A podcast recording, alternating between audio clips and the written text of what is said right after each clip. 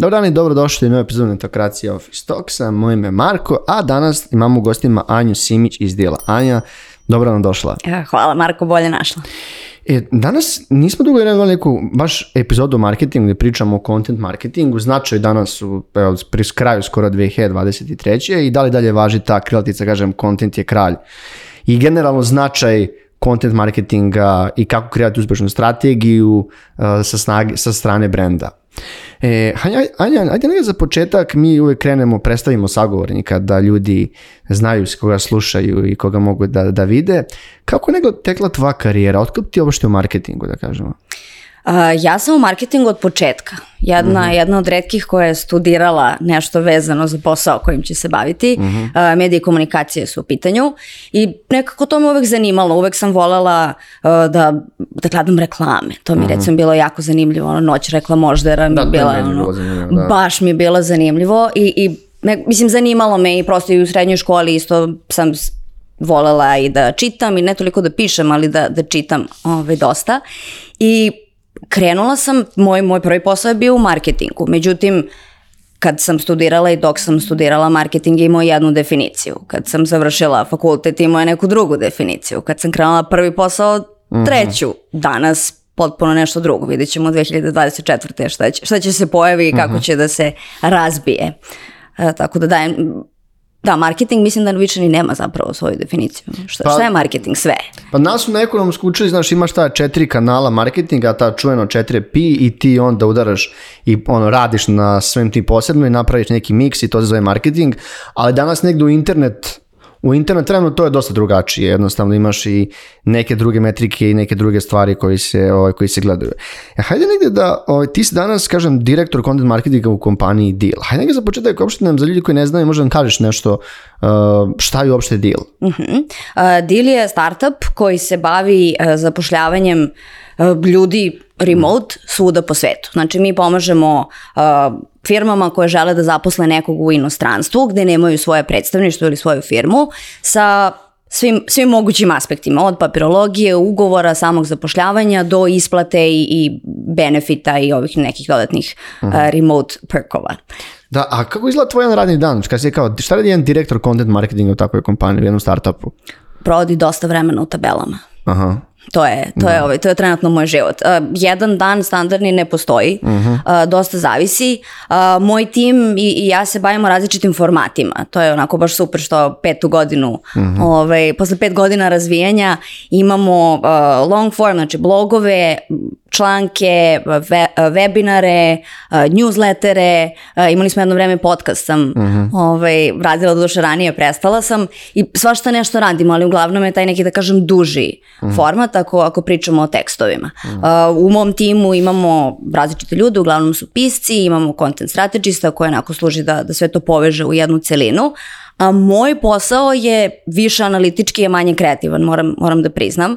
A, malo je drugačije bilo jer sam ja krenula kao sama, naravno kao jedina osoba u marketing timu i pisala sam sve i radila sam sa freelancerima i to je bilo jako zanimljivo, ali sad je nekako drugačije zanimljivo, jer pošto je malo ozbiljnija priča i, i više resursa uloženo u sve to i onda je moj zadatak negde da procenim koji su to indikatori uspeha, kako možemo da poboljšamo ono što trenutno radi, da vidimo ako nešto ne radi, da promenimo i tu sam naravno da podržim sve kampanje koje radimo. I a koliko se to promenilo za pet godina? Pa rek- posi- po- rekla si da si bila sama, sad je te tim. Koliko je generalno ono, teško ili je uopšte jasno hendlovati ljudi, menadž, i ono, kažem, vo, vođenje ljudi? Uh, na prvo Pogotovo na, pogotovo na sistemu gde ste remote, gde su, već, verujem, većina ljudi ono, svuda po svetu. Jeste da moj tim je na, na tri kontinenta. Uh, Severna, Južna Amerika i Evropa. Uh, što se tiče vođenja tima, me, meni, meni je jako zabavno. Mislim, prosto način, pošto Dila ima skoro 3000 ljudi sada u čini mi se od 80 država, znači svuda smo, stvarno To smo je jako, do, svuda. to je dosta. To je baš dosta, ali većina, većina pozicija uopšte nema potrebu da bude negde, na nekoj lokaciji. Naravno imamo customer facing pozicije koje imaju prosto i neko svoje, da kažem, radno vreme i, i moraju biti vezani za lokaciju, ali ostatak ne mora i, i naš tim, ceo naš departman je potpuno raštrkan po svetu. Um, nama je jako bitno da uspostavimo procese i, i, i operacije koje omogućavaju to asinhrono uh, poslovanje. Znači nemamo uh, toliko sastanaka, radimo u dokumentima koji su ono, online, koji imaju real time, onaj collaborative Da, tulove i to. tulove i ostalo i znamo, meni je recimo Jira vrhunac organizacije, obožavam je. To je, mislim, ne mora bude samo Jira, bilo koji project management ala, da kažem. Znači ja znam da ako nešto odradim ili ako napišem brief za nešto, moj kolega koji počinje da radi u moja poslednja dva sata posla može da nastavi. Ili uopšte ne moramo nekad i da se čujemo, prosto imamo dokumentaciju o svemu, znamo kako se šta radi i prosto samo onako dodeljujemo kad je nešto gotovo, samo se prebaci na mene, ja proverim ako treba dam neki, neki feedback, tako da dosta je do organizacije, stvarno. Da. Ali to generalno kompanija dozvoljava da svi samo organizujete kao timovi, podeljenja, ali ipak postoji neki, ono kažem, guideline za vođenje tako remote kompanije. Postoji, Mhm. postoji, uh, nije, nije fiksan, više onako kao iskustveno, da kažemo, neko je nešto probao pa zna da radi, mislim, Da, ljudi imaju da. iskustva prosto u tome, nismo, ranije smo radili na, Mhm. na sličan model, ja recimo nisam nikad u kancelariji radila, Aha. jedan dan nemam staža kancelarijskog, tako da meni to skroz prirodno, ja verovatno ne bih umela da se Mhm. snađem ovaj, u kancelariji, da me neko stavi i kaže moraš ovde sediš 8 sati sada i, i Da. to je to. Pa sve zavisi kako. Mi, ovaj, mi često dolazimo u, u kancelariju, ja nisam ljubitelj open space-a, ja mislim da to baš ubio, ja mislim da bi to ubilo, ali ove ma- manje kancelarije, kao, mislim da je to ipak mnogo prirodnije. Ne znam, tvoj tim je samo u toj kancelariji. Znači, ne ono kao, e, 200 ljudi, svi smo na istom spratu, moraš čutiš, staviš slušalice ili radi. Nije, to moram priznati da nije ni za mene, tako da... Pa nije, ali znaš šta, kad imaš, recimo kad radiš remote, čini mi se da nekako možeš da postaviš granice mnogo lakše, koliko god to, to zvučalo. Kad neko u kancelariji u prostoru, svako može da uđe na vrata, ali tako, svako otvori vrata i kao, e, da te pitam nešto, što prekida neki neki fokus, malo je teže da se vratiš u to. Ako si remote, ti lepo možeš da staviš lepo status na Slacku, slow to reply. Kao, ako mi sad budeš pisao, moje očekivanje je da ti neću odmah odgovoriti zato što radim nešto što zahteva moj fokus. To će biti za sat vremena, naravno, nije sad kao, ok, deset dana ti neću odgovoriti na poruku. Čini mi se da je nekako, um, da su ljudi otvoreni da, da uspostave granice ako su, ako su remote. Sa druge strane, postoje ljudi koji ne mogu uopšte granice da, da uspostave i onda rade dosadno. 17 sati, jer naravno stižu tebi poruke. 24-7. Da, i baš sam gledao neki naš, naš neki podcast je bio, mislim da su uh, sa Jankulovskim i baš je bilo pitanje ako ti pošalješ poruku nekom, ne znam, van radnog vremena, kada očekuješ odgovor? I on kao, i, i, mislim da, kao, e, ja očekujem odmah. Ja ne očekujem. Ja sam možda to nekad na početku karijere kao, ja šaljem mail u 10, ako mi odgovoriš 10, wow, te radiš. Bukvalno mi odgovori kad stigneš.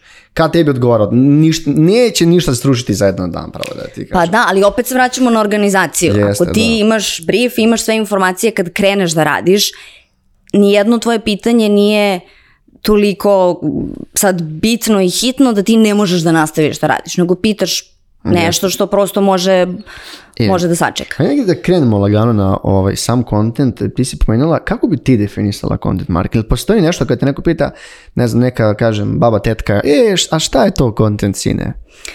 Uh, to je jako teško. Ako me baba tetka pita šta je content još na, na srpskom treba da odgovorim, to, je, to je onda haos. A, ja mislim da opet pričamo, pričali smo o definicijama na početku. Nema jedne definicije. Content je sadržaj. Danas je, je sve sadržaj. Danas je sadržaj sve od uh, lifleta i postera i oglasa na banderi do uh, bloga, webinara, podcasta, kurseva, S- sve je nešto, mislim, ne, ne bih mogla da ga definišem jer šta god da kažem je istovremeno i tačno i netačno. Uh, prosto, m, kreiranje sadržaja koje, je, koje daje neku vrednost uh, ciljnoj grupi, koje može bude informativno ili edukativno. Da, to je dosta dobro rečeno. Hvala. Da, zapisati, ovo ćemo da isječemo ovaj deo. Klip za društvene mreže. Da.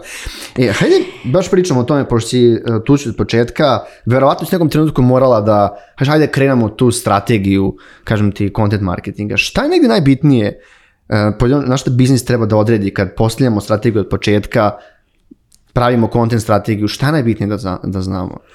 A, pre svega je dobro da se poznaje proizvod.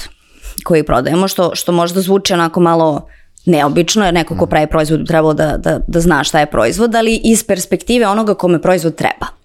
Jer mi podrazumevamo mnogo stvari ako kreiramo proizvod neki i nekako krećemo od nekog trećeg, četvrtog nivoa već razumevanja. Ne, ne posvećujemo se toliko samom razumevanju zašto taj proizvod može da reši neki problem. Nakon toga rekla bih poznavanje ciljne grupe. Znači ko su oni ljudi koji, kojim možemo direktno da, da pomognemo, ali i ko su oni ljudi kojima u nekom trenutku možemo da pomognemo. Mislim da je to jedno od naj, eh, da kažem, češćih grešaka, da se ljudi fokusiraju isključivo na ljude kojima mogu odmah nešto da plasiraju. Ali postoji nešto što, što se zove total addressable market, što su svi ljudi koji u nekom trenutku mogu da stvore pot, imaju potrebu za, za našim proizvodom. Znači, razumevanje toga je ps, osnova svega.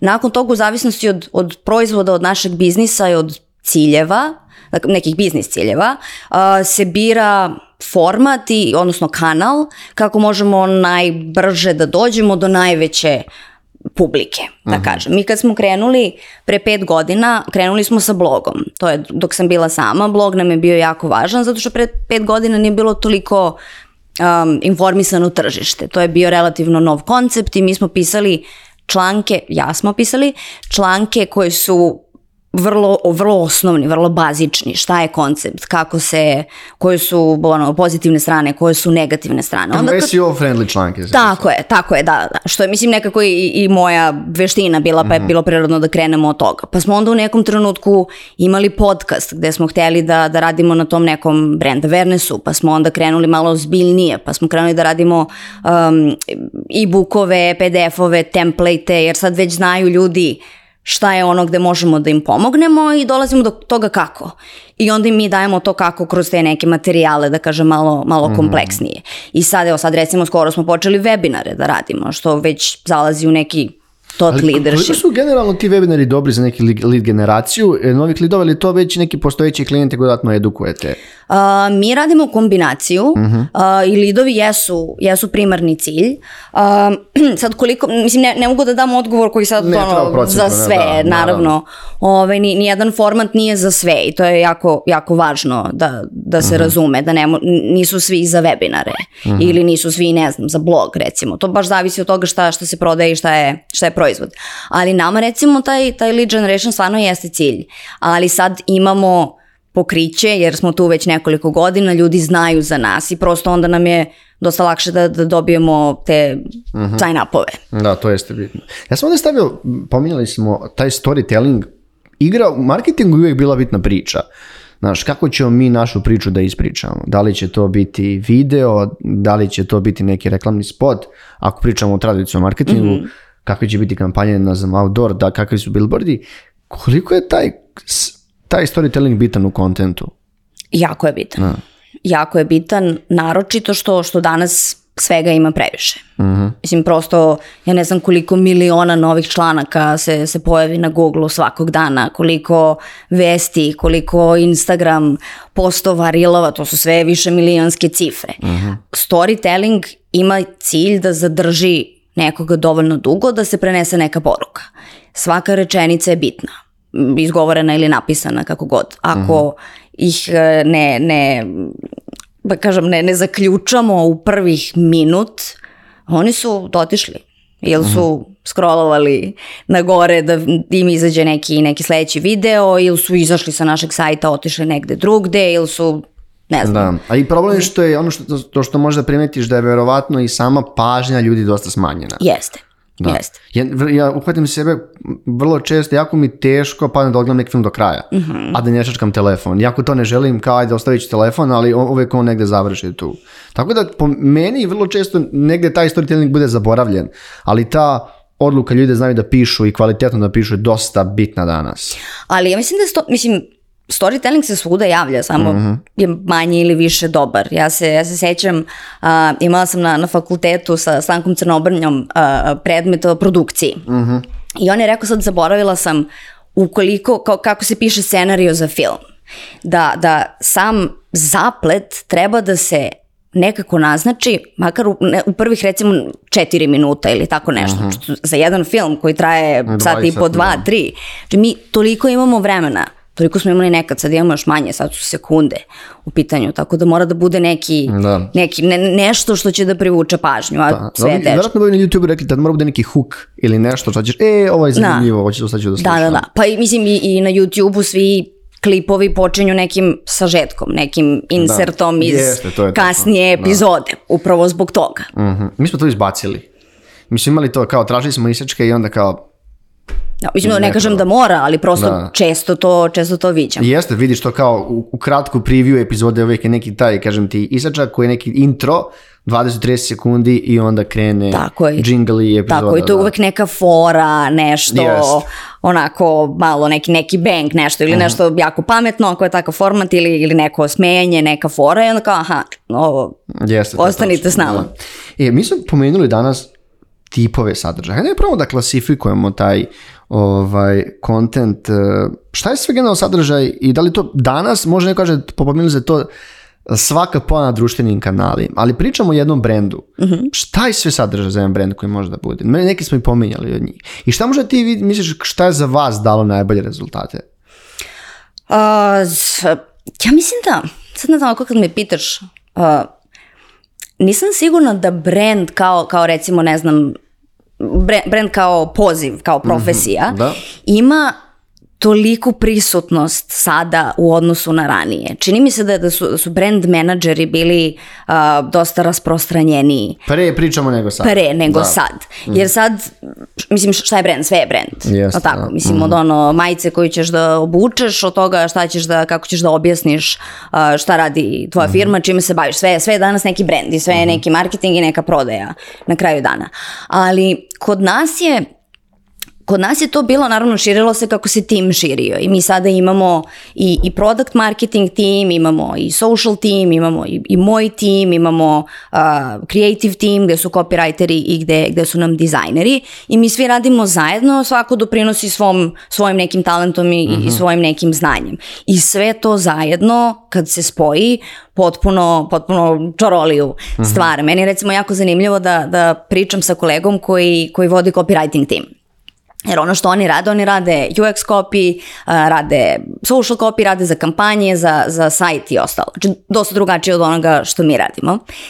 I jako mi je zanimljivo zato što on razmišlja potpuno drugačije. Pa njihov kop je kratak. po jednom, Jeste, da. jeste. Nama, mom timu, ako neko kaže, e, možeš da napišeš za ovaj banner copy, drama.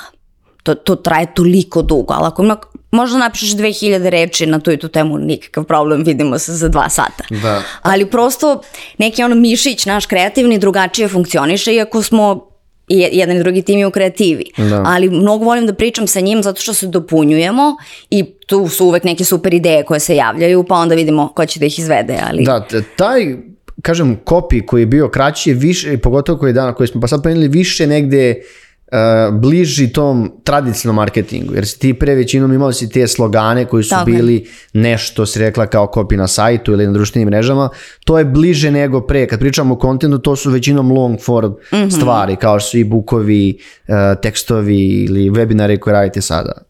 Jeste, jeste, mislim, sad je nekako um, us, uspešnost marketinga jedne firme mislim da zavisi od toga koliko je, koliko je firma prisutna. I ona mora bude prisutna danas svuda. Jer svako od nas kad traži neki proizvod, što god da traži, ode prvo na Google. No tako, to je, to je prva stvar. Doduše ovi sada ove, mlađi idu na Instagram da pretražuju stvari, to ove, još uvek nisam čak i TikTok, mislim TikTok. ili da TikTok, da, ne znam, nemam TikTok, uh, čini mi se propuštam svašta, ali Pa mi ništa, se ja čini imam da... samo oduzimanje vremena. Da, ne, ne nešto mi je tu previše, tu, sam, tu sam povukla crtu. Ali, ok, uzmimo da neki pretraživač koriste. da, tako, generalizujemo. I jako je bitno da se, da se tvoja firma pojavi tu. Nekako. Jako je bitno da budeš tu, da stalno, stalno ovaj, nekome kažeš, e, ja sam tu, pa kad ti zatrebam, Da, ali evo sad zamisli, kad si zadnji put odišao na drugu stranu Google-a? Ja sam to negdje stavio pitanje koje je li dalje bitno biti na prvoj strani Google-a, ali generalno, kad si zadnji put odišao na neku drugu stranu? van možda- posla nikad. Da, to mi ti kažem, van Da. posla, kad si tačno, e, ja da, da vidim gde, ono, to, to se ne događa. Ne događa se, mislim, znaš šta, to je, opet se vraćamo ono kao poznavanje publike. Uh, mnogi, mno, mnoge gazde uh, dođu u neme nekog da im radi SEO i kažu ja hoću budem na prvoj strani Google. To je, ali do mnogo agencija, to mi je bukvalno slogan, mi, će, mi vas dovodimo na prve strane Google. Tako je. Prvo pitanje, da li je potrebno da se bude na prvoj strani Google? Pa sad zavisi od biznisa. Ako neko, ako, Tako ako ja pravim aluminijumske prozore i dolaze mi ljudi ono preko preporuke i znaju tu, meni to ne treba, ne treba ti čak ni sajt. Tako je, naravno, ne treba ti da. sajt, treba ti super prostor koji ima veliki parking, zato što će Jeste. majstor kaže, e, idi tu, možeš da upakuješ u, u kamion šta god ti treba. Mislim, to je Jeste, tako prosto jeste, tako, da. neće, neće, mislim, majstor ima druge kanale, ne koristi Google možda za, za tu potrebu. Ali, Mislim, na, nama konkretno jeste bitno, ja, ja ne da, i dalje ovaj, volim jako da se bavim SEO-om i to mi je užasno zanimljivo kako da, da napravimo sadržaj tako da se, da se pojavi negde na Google. Mnogo se menja SEO uh, u, u posljednjih pa možda čak i meseci. Mislim, menja se on godinama. Naravno, Google ima stalno Promene uh, promene i algoritam koji je ono ko, ne znam, sveti gral, niko ne zna uh, gde je, šta je, kako funkcioniše, ali sada recimo sa pojavom AI alata sa pojavom tog uh, search generative experience-a gde se čak čak se više ni, ni, ni ne kuca. Znači sad je glasovno pretraživanje nešto što pritom niko, niko neće glasovno da kaže da koristi ključne reči, nego će postaviti pitanje. Cijelo da, znači, pitanje te fraze detaljno. koje su trebalo da budu SEO si menjale. Znači, Tako je. Ne pričamo o to, ne pričamo Ajde, o SEO. ajde. I baš si krenula u, u dobrom smjeru. Um, znači, ključne reči, kažem, ne kažem da dolaze, ne padaju u zaborav, ali neke stvari se pre, pretražuju drugačije sada. Znači. Tako je.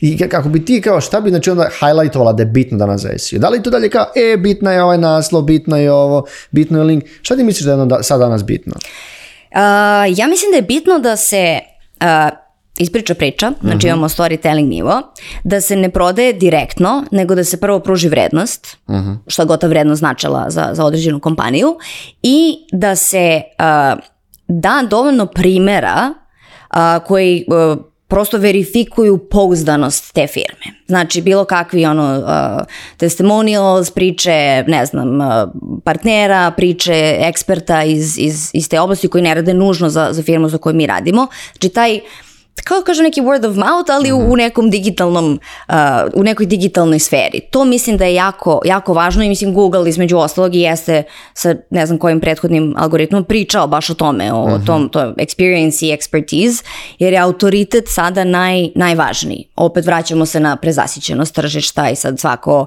svako može u nekom trenutku da završi na, na prvoj stranici Google, ali ključne reči, samo korišćenje ključnih reči više nije toliko bitno.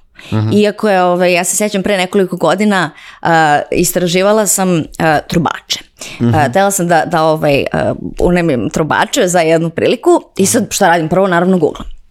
I, mislim, trubači Beograd, to je Pa, pa, to, to je to, ne, ne, znam, ne znam kako, ok. Jer tom jako malo iskustva imam sa trubačima i ono, nije, nije prosto moj fazon, ali sam htjela da, da ovaj, istražim. I odem na sajt koji je prvi bio na Google i sad tu je, ne znam, tekst, slike, ok, super. I ovako poslednji, u samom dnu stranice piše trubači Beograd, trubači Srbija, trubači posao, trubači iznajmljivanje, trubači... Ovako, ceo pasus ključnih reči. Ja se oduševim. Mislim, to je toliko, toliko pogrešno, mislim, niko to ne radi, naravno ne kaže treba sad da postoji pasus sa svim ključnim rečima, a mi je to toliko fenomenalno, što je, što onako neko zapravo to uradio i, i kao ima to kao, sve ključne reči ćemo stavimo zato što ćemo onda biti prvi na Google za sve te ključne reči i, i mi smo ti trubači koji će dobiti te Ali vi nužno imate u svom timu nekog SEO, ali to je drugi tim. Imamo, Aha. imamo, da, da, imamo SEO menadžera. Da, ali jesu i dalje oni ti backlinkovi ostali stvari, neka stvar koji se radi u industriji ili su to ipak negdje malo smanjilo? Pa, mislim, ja sam užasni protivnik uh, backlink buildinga. Ja, evo, do dana današnjeg u dijelu ni jedan backlink nije ni tražen, ni plaćen. Uh, jer mislim da to treba da se radi organski. To je možda Sporije, ali sporije je, ali mislim da više vredi. Sad ne pričamo o matematici, sad ne znam um, koliki domen ima, koliki autoritet ima domen, ako je ne znam koliki... Do... A, Čini mi se da, da ljudi danas umeju da prepoznaju kad je nešto neorganski. Kad je nešto uh, link koji je ili plaćen ili onako dogovoren kao razmena. Ja tebi linkujem ovde, ti meni linkuješ ovde i, i, i to je to. Mislim, traje duže svakako, ali mislim da broj backlinkova nije toliko važan koliko je ranije bio važan. Da. Pa, Mislim da se to menja. Ogroman broj upita, e, možete link, mi inače nikad to nismo radili, ja to nisam voleo i, i dalje mrzim da stavljam bilo kakve linkove. I ovaj, zbog snage sajta, da li ono, ljudi se javljaju često napišu neke kolumne, ali to su toliko promo stvari, Jesu, toliko neki basic, jesu. to jednostavno nije sadržaj koji ja želim da gradim, Tako je. bilo kakav medij. Ja nisam nikad, ja sam, ja sam lično protivnik isto afiliata i svi drugi stvari, jer to nije za nas. Nek, neko drugi radi na tome, zarađuju pare, nas te stvari ne interesuju. Tako, je. mislim, da. to, to je okej, mislim, za, za, neke, za neke firme za kao model je apsolutno funkcioniše, ali čini mi se da ljudi prepoznaju sad i, i da im se ne sviđa. E, ovdje sam stavio, nismo bili taj balans između kanala. Ti kao brand, um, kako, znaš, ka- kako, kako testiramo te, ono, kako ti kao neko se bavi analitikom, šta kaže, e, ovo nam nije uspelo, ovo nam bolje radi. A, odlično pitanje. Da. A, za početak, kad god nešto radimo u timu, a, postavimo pitanje, odnosno definišemo šta znači uspeh. Bukvalno imamo u, u, u templateu imamo what does success look like. Probamo da definišemo na naj ono, di- direktniji, a, indikativniji način. A, za webinare recimo, pošto je to najnovije bilo, imali smo, ok, shvatili smo da mogu da budu dve stvari da može da bude taj awareness gde ćemo uh, što više ljudi dotaći i naravno lead generation koja je, jel, da, da kažem Osnovna neki stvar kao osnovna, contenta, da. osnovna stvar.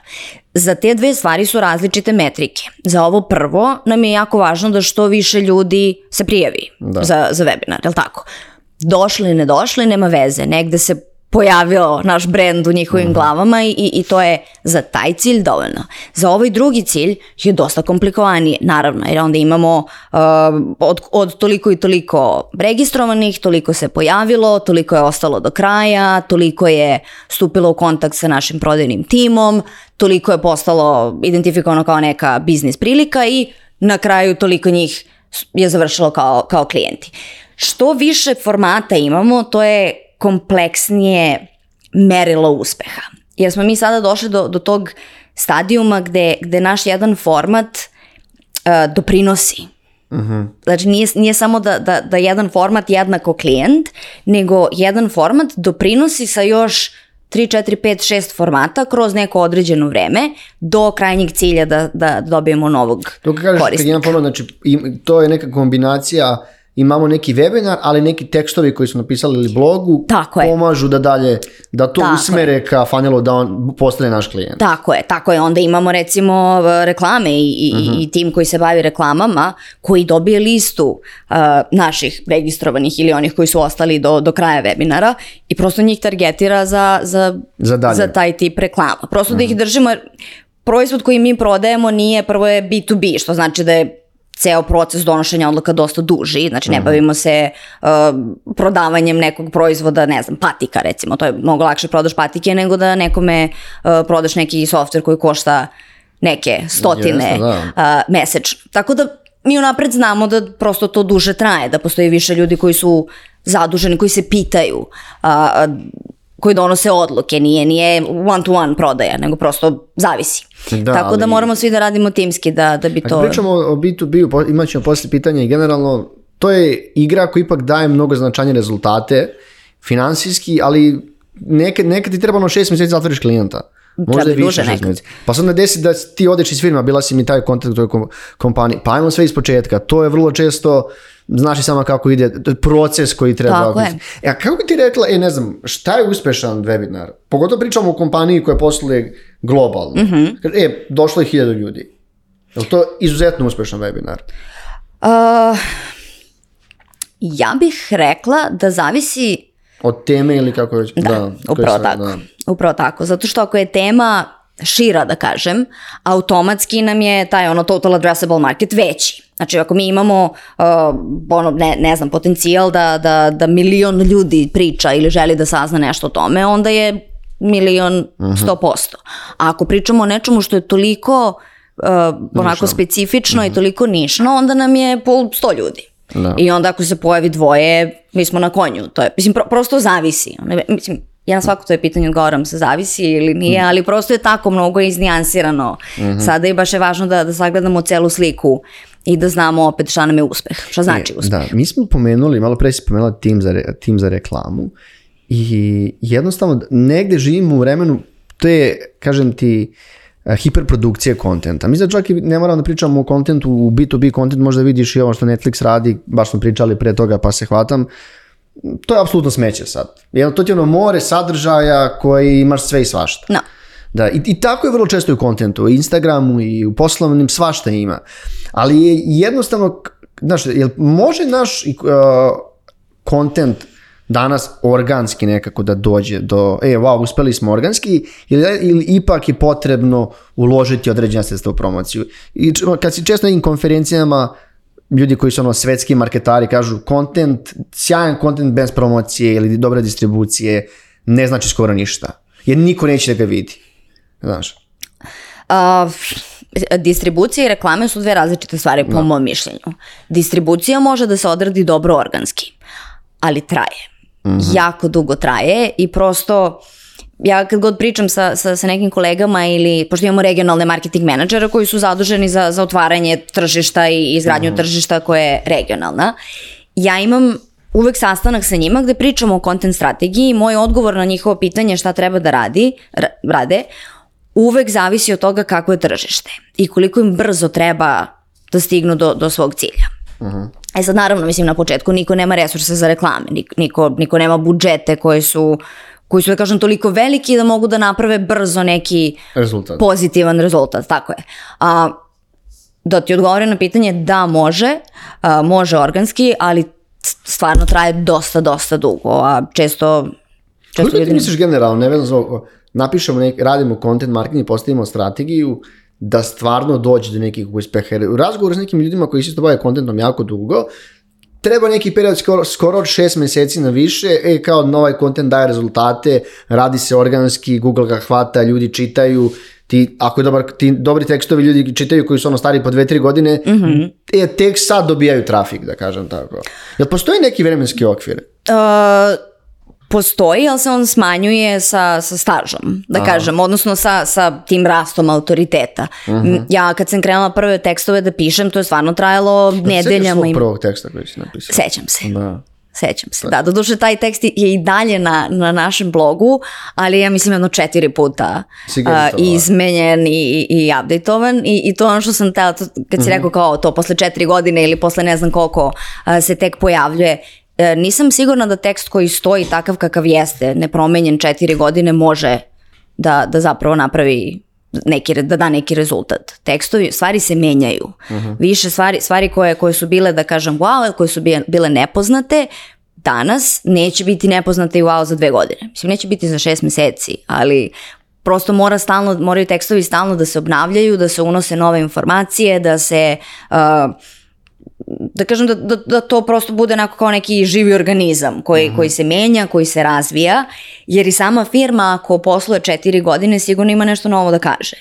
I može da iskoristi taj prvi tekst da doda neku dodatnu vrednost, možda neki dodatni feature, možda neki dodatni screenshot, šta god da je, da je u pitanju, product screenshot.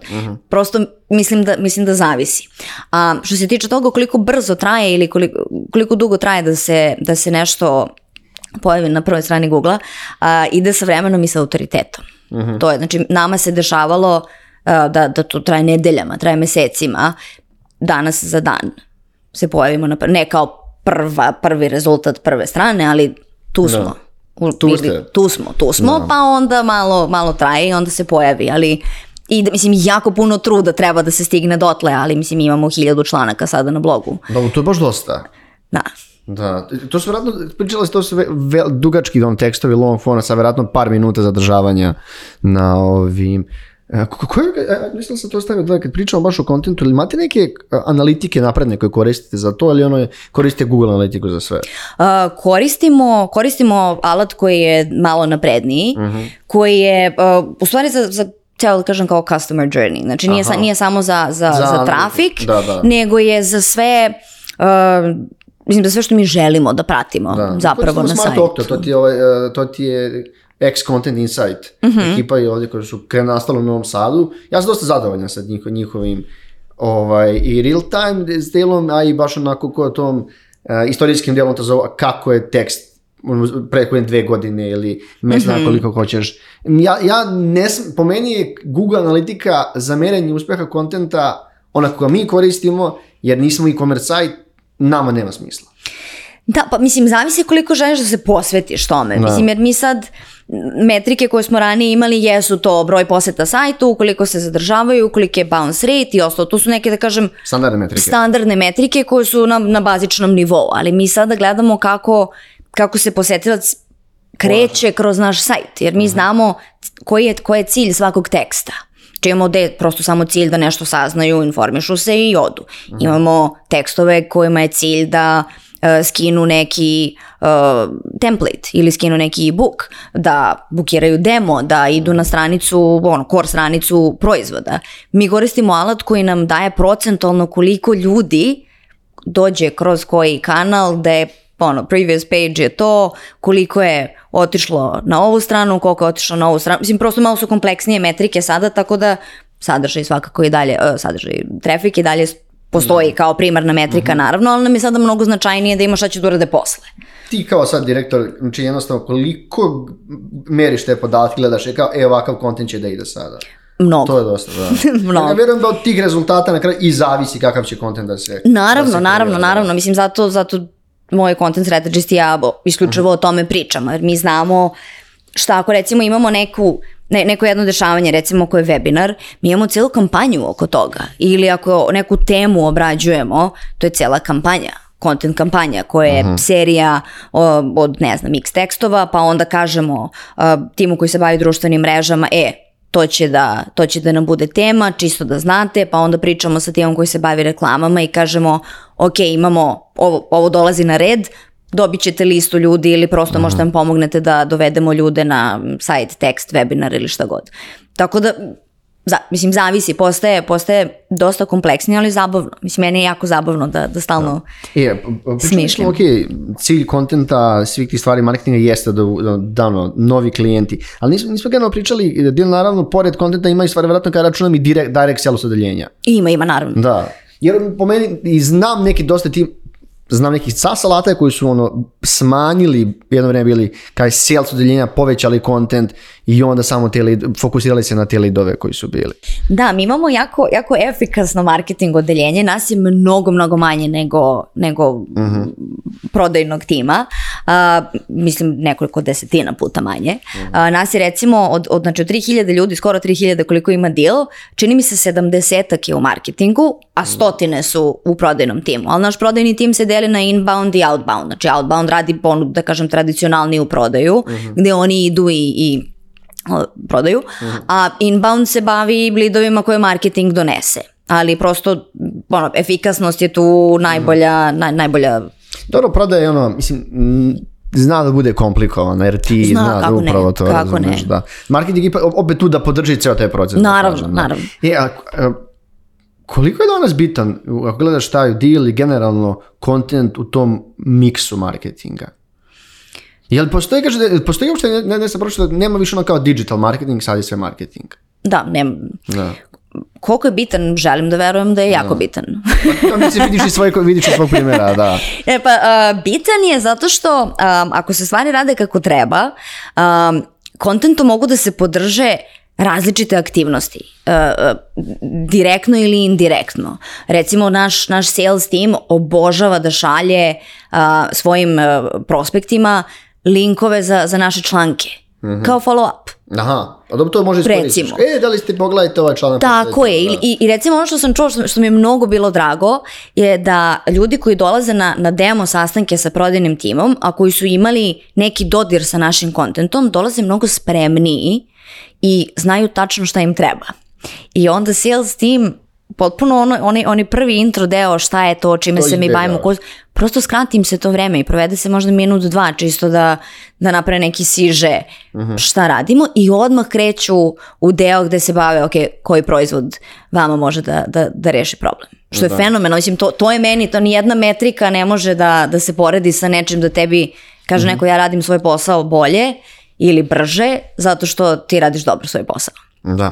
E, a kad pričamo o tom uh, B2B-u iz- ili content marketingu, koliko se razlikuje od B2C-a? I jel pričamo prvenstveno o nekim formatima ili je to ipak kreativa mora da bude malo profesionalnija? Znaš, koliko, mislim, da li imaš tu slobodu ili, ili nemaš generalno, pričamo malo o tim nekim razlikama. Um, različit je pristup, ali na kraju dana priča se ljudima. Uh A tako, ne priča se firmi.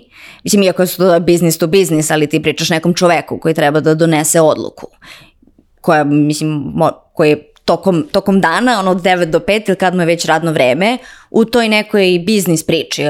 Posle toga je ne, u ne biznis priči. Tako da, mislim, ima razlike, ali, ali svakako treba taj ljudski aspekt da se zadrži. Jer nije to da li može bude malo kreativnije i ozbiljnije, mislim da zavisi od brenda firme. Ima, ima brendova koji su jako ozbiljni zato što komuniciraju jako ozbiljno koristeći reči koje su, stručne, koje su termini koji su stručni, prosto komplikovane dugačke rečenice, zato što je njihova ciljna grupa tako, takva. Ali postoje ljudi koji onako, ko- koji su izgradili brend svoje firme na toj opuštenosti. Dosta kompanija, da. Da, š- što je skroz ok, mislim, me- meni je to super, zato što opet na kraju dana niko od nas ne želi da da ima neko loše iskustvo ili neko iskustvo koje je dosadno. Mislim, sve, sve treba bude nekako zanimljivo i, Da. i, i da nas angažuje da na li neki način. da vaša ciljna grupa ne su malo napredni mlađi korisnici? A, na početku jesu bili, ali sada više nisu. Sada, sada kako smo porasli i kako uh, mnogo više proizvoda nudimo, uh, krenuli smo da ciljamo na, na veće uh, kompanije gde su to hiljade zaposlenih. na, na kompanije koje su dosta, dosta dugo na tržištu, tako da zavisi. Mislim, moramo da balansiramo sad da, da budemo i ozbiljni i neozbiljni i da, mislim, neozbiljni, da kažem, više onako opušteniji, ajde. ovaj, da bismo prosto bili nekako pristupačniji ljudima, ajde recimo tako da, tako da, je, kažem. Je li ima neki zla, zla, taj zlatni postulat tog B2B-a kontenta da bi ti kaže, evo nam je najbitnije da bude? Ili to opet miks svega? Pa mislim da je miks svega, ali meni je najbitnije da, da kontent koji plasiramo bude vredan, da ima, ne, da ima neku vrednost Da. za nekoga ko, ko taj sadržaj konzumira. Šta god to značilo, da li je odgovor na, na direktno pitanje ili je prosto buđenje neke znatiželje.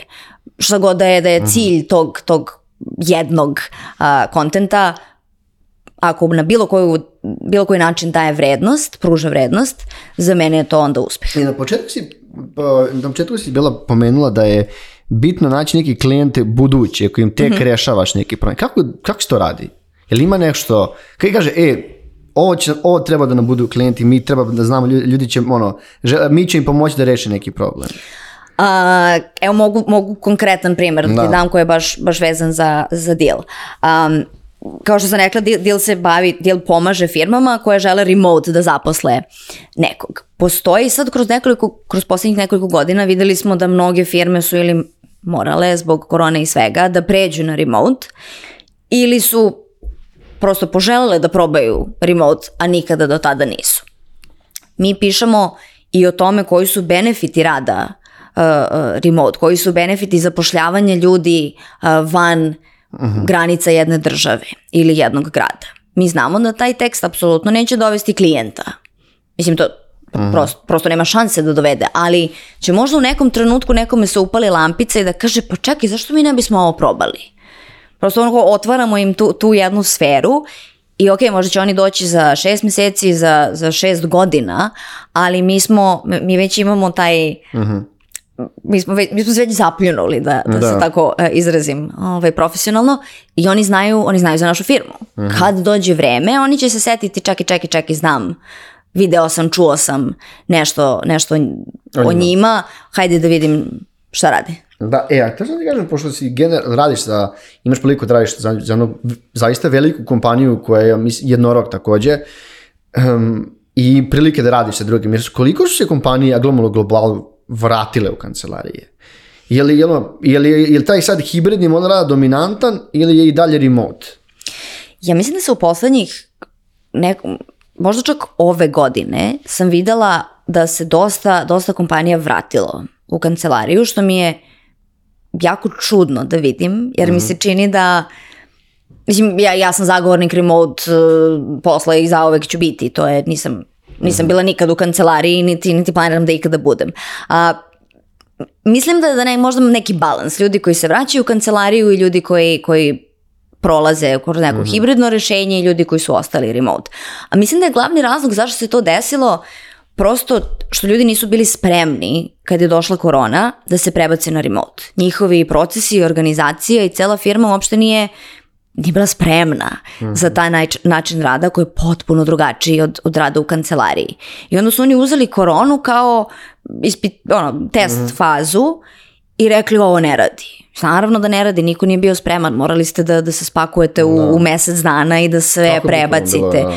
Nema šanse, mislim, sve, sve je stalo. I onda prosto kontekst u kome se sve to desilo i taj boom remota je isforsiran. Nije, nije niko želeo to, nego smo morali svi da pređemo. I meni je mnogo žao što je, što je prosto korona onako da kažem malo umrljala taj pozitivni uticaj remote a, posla koji je stvarno, stvarno fantastičan. Mislim, toliko otvara prilika da, da se sarađuje, prosto otvara ceo svet, bukvalno. Me, mislim, ja, ja sam, mogu reći, zagovornik nekog hibridnog načina rada e, iz prostorog razloga zato što e, mislim da zavisi opet od, od posla, zavisi od organizacije kompanije, da vam to najviše odgovara, ali mi kao netokracija, mi smo mogli radimo remote i ranije i pre korone. Evo, danas ću radimo od kuće, važi. Ovdje, ne znam, pada kiša, snijeg, radimo od kuće. Da. Radit ću u kafiću, ajmo svi da radimo u kafiću. Znaš, to je on nama ono kad je, kad je, kad su ono bilo kao dva meseca, kad je ovaj naš gospodin, da ga ne imenujemo sad, kao je, bit ćete zatvoreni dva meseca, mi smo se vratili odmah. Ali i dalje nam je ostalo to, ok, kad god hoćeš, možda ideš da radiš god hoćeš. I za nas je to ok, ali ja mislim da treba da postoji sloboda Svakako. da ljudi odluče, a da kancelarija bude neki hub gde se ono, imaš neke sastanke, ponekad se okupite, vidite i slično, ali mislim da ta sloboda, što opet vidim, vidim po kompanijama gde pokušavaju da vrate ljude opet u kancelarije.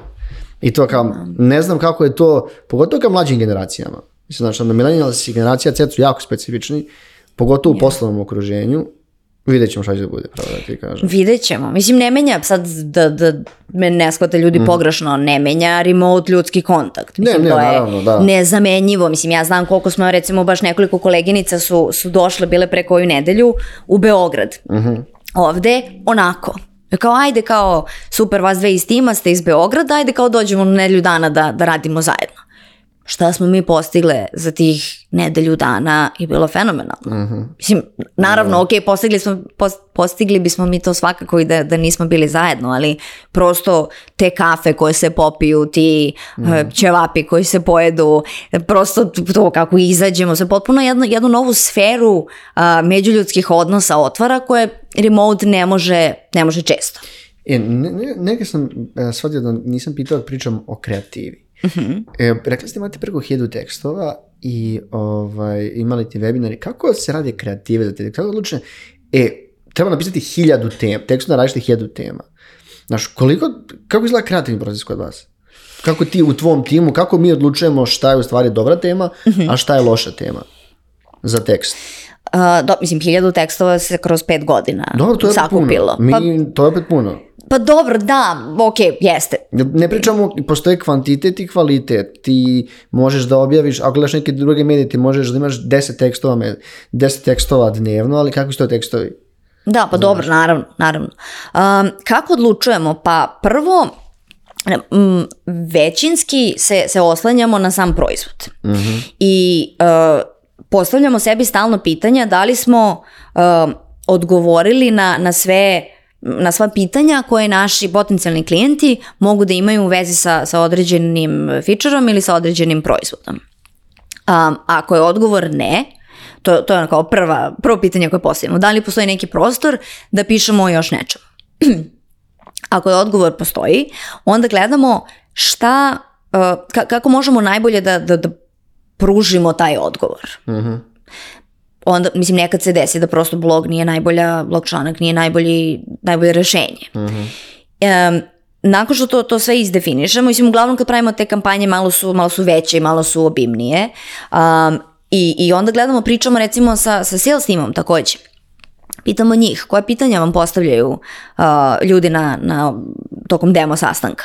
Jel ima nešto što je, pošto reči koje mi mislimo da naši potencijalni klijenti koriste, obično nisu reči koje koje oni zapravo koriste. Nisu, nisu te fraze, mogu da budu malo drugačije. I onda volimo da pričamo sa sales timom da nam kažu konkretno šta se dešava. Ok, sad naravno imamo i alate koji snimaju pozive, pa imamo i transkripte, pa onda imamo, mislim, OpenAI koristimo da izvuče zapravo sva ta pitanja i dobijemo ih u Excel tabeli. Mislim, ne mora bude toliko posla Dobro, da se jasno, to da. sati, ali mi imamo spreadsheet koji se stalno updateuje pitanjima. I na osnovu svega toga mi onda formiramo pravu sliku o tome o čemu treba da, da pišemo ili o čemu treba da pričamo. Evo, pomenula si ovaj ChatGPT, tačnije te alate za automatiza za AI alate. E, koliko ga koristi danas u poslu? Ve- Već si negdje se rekla da ih koristite i koliko se, da, jel ste počeli da ih koristite za pisanje samog kontenta? A, koristimo ih Gen- dosta. generičkog kontenta ili... A, koristimo ih dosta. Um, sad, moram da priznam da je, da je chat GPT sve bolji i bolji. Znači, koristimo kao sam chat GPT interfejs, ali koristimo i OpenAI, OpenAI Playground, koji nam je, koji je kao malo napredniji, gde možemo... To je isto njihov alat. Jes, Open- da, OpenAI, da. Ovaj je napravio ChatGPT, ali ima taj neki playground gde, gde prosto, da kažem, filteri i podešavanja mogu da budu malo naprednija, malo, um, pa da, Dobro, naprednija, jasno, to je. Gde možemo da, da i, ne znam, feedujemo i, i neke ključne reči i svašta nešto. Uh, mislim da, da nije, nije dobro ako neko uzme i u chat GPT stavi napiši mi tekst o tome i tome uh, tako da bude prvi na Google i da koristi sve ključne reči i da bude najbolji na svetu. To nema šanse da bude dobro. Mislim, prosto znamo, znamo koliko je ograničen uh, taj alat. Taj alat nema pristup internetu u real time-u, tako on uči iz nekih prethodnih Baza. a, baza. I on se ne, mislim, on je, on je baziran na, na po lingvističkom programiranju, znači nema, nije, nije, nije čovek, nego je prosto on predviđa koja je naj, uh, kako da kažem, uh, most likely, koliko meni, ovaj, re, Ne brini, samo na Jelena Đoković konstantno momenta, tako da, da. Ko, koja je sle- Najverovatnije. Najverovatnije, hvala. Najverovatnija sledeća reč Da. posle neke reči. Mislim, to nije, ok, da, donekle ima smisla, ali nema. Da se vratim na pitanje, mi koristimo za a, pravljenje prve verzije, koja često nema nikakvog smisla, ali ako ništa, pisac ne kreće sa, sa praznim papirom Imaš kostur neki. imaš neki kostur, dobiješ neku, neku ideju, pa onda možda shvatiš, a ne, ovo je dosta loše, znam kako ću bolje. I onda ode i napiše nešto bolje. Ili, hm, ovaj pasus mi se sviđa, hajde da ga malo preradim. Tako da uz, sa taj neki početni, baš ono, znaš, kad do, do, izađeš na tablu pa kreneš da, da pišeš neke svoje ideje, pa većina ideja su bez veze, ali nema veze, nešto se, nešto se super desi iz svega toga. Za to ga koristimo dosta. Ja, nešto je palo na pamet, e, pomenula si da, ima, da si na, ovaj, na Južnoj Americi i oni imaju taj drugačije govorno područje i oni znam da neke Mhm. zemlje vole taj lokalizovan pristup jeziku. Jel, ste, jel, jel, jel sav kontent koji se piše na engleskom ili ste morali za neka tržište baš da ga prilagođavate? A ne, mi pišemo na, na raznim jezicima. E, pa da, vidiš Da, da, da, da, da, mi da. imamo, uh, devojka u mom timu uh, piše španski. Da, upravo isključivo, ali imamo i, i, i japanski, e, Mhm. imamo i korejski, i kineski, uh, imamo francuski, uh, holandski, imamo da, dosta, dosta jezika. Ovaj, nemamo baš content pisce za sve te, Mhm. a, zato što prosto tržište još uvijek nije toliko veliko da, da imamo jednu osobu koja će full time da se bavi time, ali španski recimo imamo.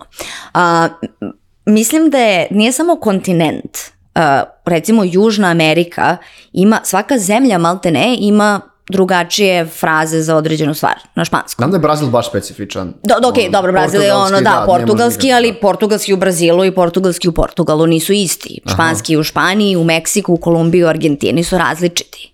Da. Termine koriste drugačije, nešto imaju drugačiji izgovor ili ne znam šta, potpuno drugačiji termini, svakodnevni. I onda je to stvarno, stvarno izazov da se piše naročito SEO na jeziku gde pokušavamo da, da dođemo do svih ljudi koji pričaju španski, a ne koriste svi iste termine. Da, vidiš, to je, nisam, nije to uopšte padalo na pamet, ali sad, kada razmišljaš jeste tako, ali nešto za španski, ne, ja ne, ne znam da li ja imam taj uh, problem, dosta ga dobro razumem zbog serija, I ja ju, juče iskren neki klip i on ide i ja slušam i kao znam svaku reč, ali ne znam li to meksički ili španski, ko zna dakle su te sapunice bile, ali je kao, da, okej, ba, bar znam da slušam, bar znam da razumem. Dobro, i to je dobro, da. Da. da. da. E, negdje sam bio ovdje, ovdje smo pričali o brendu generalno, ovaj, ako pričamo taj deal, tu si pet godina, vidiš koliko je brand, kažem, awareness brenda porasla verovatno, koliko se tog nekom kreiranjem redovnog sadržaja stvara neka lojalna publika ili ljudi koji ono koriste, e kao mi volimo, čitamo vaše tekstove, znamo, znaš ono, brand deal je super zbog kontenta koji mi pišemo. To, to je moj san, da, Da. neko to izjavi. Aha. A, I mislim, to mi, to mi je da kažem neka ono kao krajnja ambicija, da, da neko upravo to zna, da ako a, mu nešto treba, da na Dilovom blogu može da dobije odgovor ili na Dilovom sajtu svakako. Um, menja se, naravno razvio se, mislim imali smo ja kad se setim kako je prva, prvi homepage izgledao i koje smo boje koristili, kako je logo izgledao, Da. naježim se, a mi se to recimo dešava i sa tekstovima. Kad vidim svoj tekst koji, koji je od pre recimo ne znam 3-4 godine, koji nije niko dirao ili ako nađem ne znam neku staru verziju negde offline, to malte nema sramota, što mislim da je super, zato što to znači da, da se i ja i svaki pisac ako, ako vidi neki svoj stariji tekst, da prosto se razvio, da, da zna mnogo bolje, da sad je veći zanatlija nego što je bio. Tako da ovaj, stvarno treba da se nekad vratimo i onako kažemo, e, ok, ovo, Ja ne gledam sve stare podcaste, čisto za ovo da kažem, ne, šalim se. da, e, da, ovaj, negdje, tu, tu smo negdje blizu kraja. Kako bi ti, pošto si imao priliku vratno da zapošljavaš i pošto si deo, naravno, vodiš tim, uh, kakav profil osobe koje ti treba? Pogotovo ako pričamo o tom opisanju. Uh, zapošljava, ne znam, kakav ti misliš da ne treba da bude oso, oso- osoba, neka osobina neke, nekog radnika koji želi da gradi karijeru ili se zapošljava u content marketingu kod tebe? jedno sam čekala da mi pitaš Da. ovo pitanje. Kad sam videla u pripremi, rekao, znam da će bude super, super odgovor. A, u mom timu postoje, a, da, da kažem, do, polovina tima. Ajde, polovina tima stvarno ima iskustvo i, i, i ono, obrazovanje i iskustvo koje je isključivo vezano za ili novinarstvo ili a, sam content marketing. Ali imam nekoliko ljudi koji nisu ranije uopšte bili u content marketingu. Imam, imam dečka koji je završio a, mikrobiologiju. Ekstra.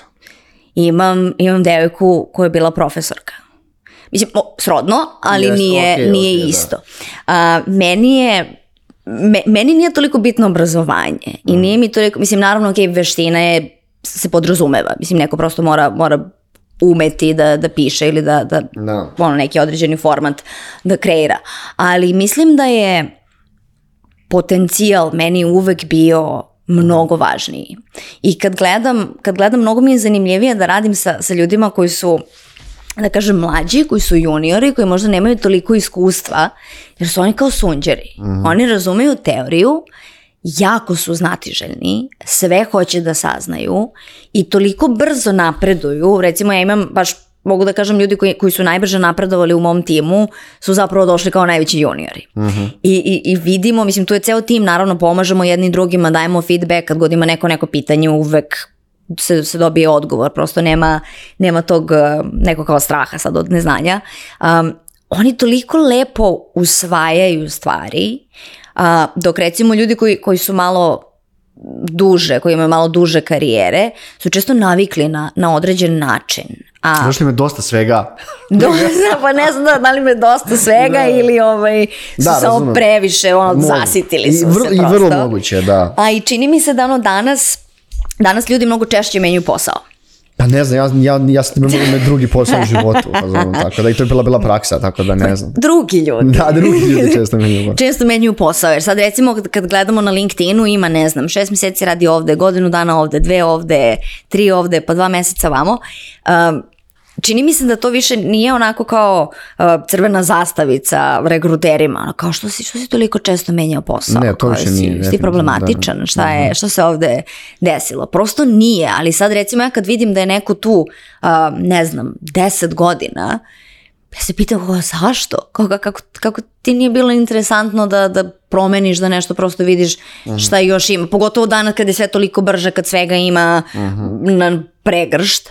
Uh, tako da mi je to onako baš, baš zanimljivo, ali da, mislim da je, ono, va, važna je želja, važan je potencijal za, makar meni, za kontent.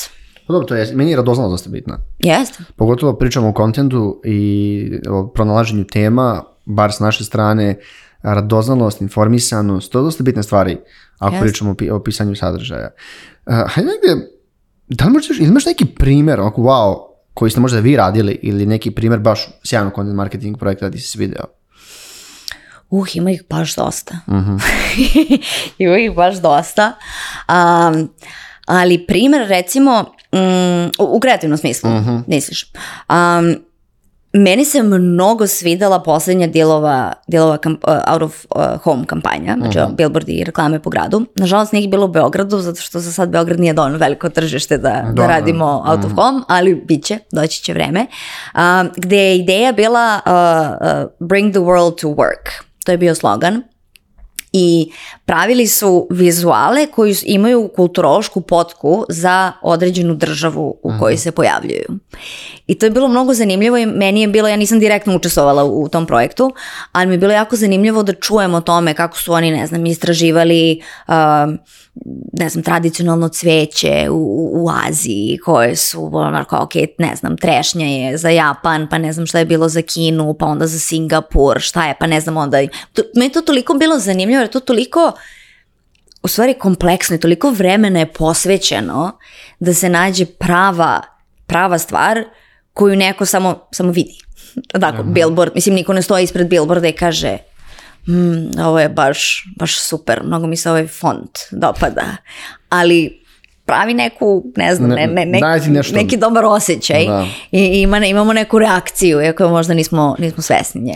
I Anja, hvala ti puno što si bila naša gošća. Ja zaista uživo u razgovoru i nadam se tebi bilo prijatno. Meni je bilo divno. Možda za, hvala ako, ti. ako možda negdje za kraj, ako imaš neke, koji su neki tvoji planovi za ovu 2024. dilu i možemo tako da završimo epizodu.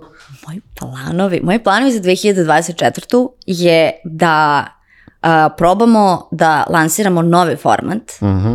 A, zva- javit ću se kad budemo bili spremni ovaj, za neku ekskluzivu, A, ali da, plan mi je da, da, da lansiramo novi format, plan mi je da, da onako usavršimo ovo što sad radimo, a ovaj, ja dočekam da vidim kako će deal kao proizvod da izgleda u 24. Sigurno će biti nešto, nešto super. Na, nisi nadamo da hoće. Ana, Anja, hvala ti puno. Hvala tebi. Hvala svima vam što ste ostali do kraja Netokracija Office Talks epizodu, a naš podcast možete pratiti na YouTube u, u video formatu, a na Spotify, Deezeru, Apple podcastu, Google podcastu, to vratno niko ne gleda, ne sluša, u audio formatu. Hvala još jednom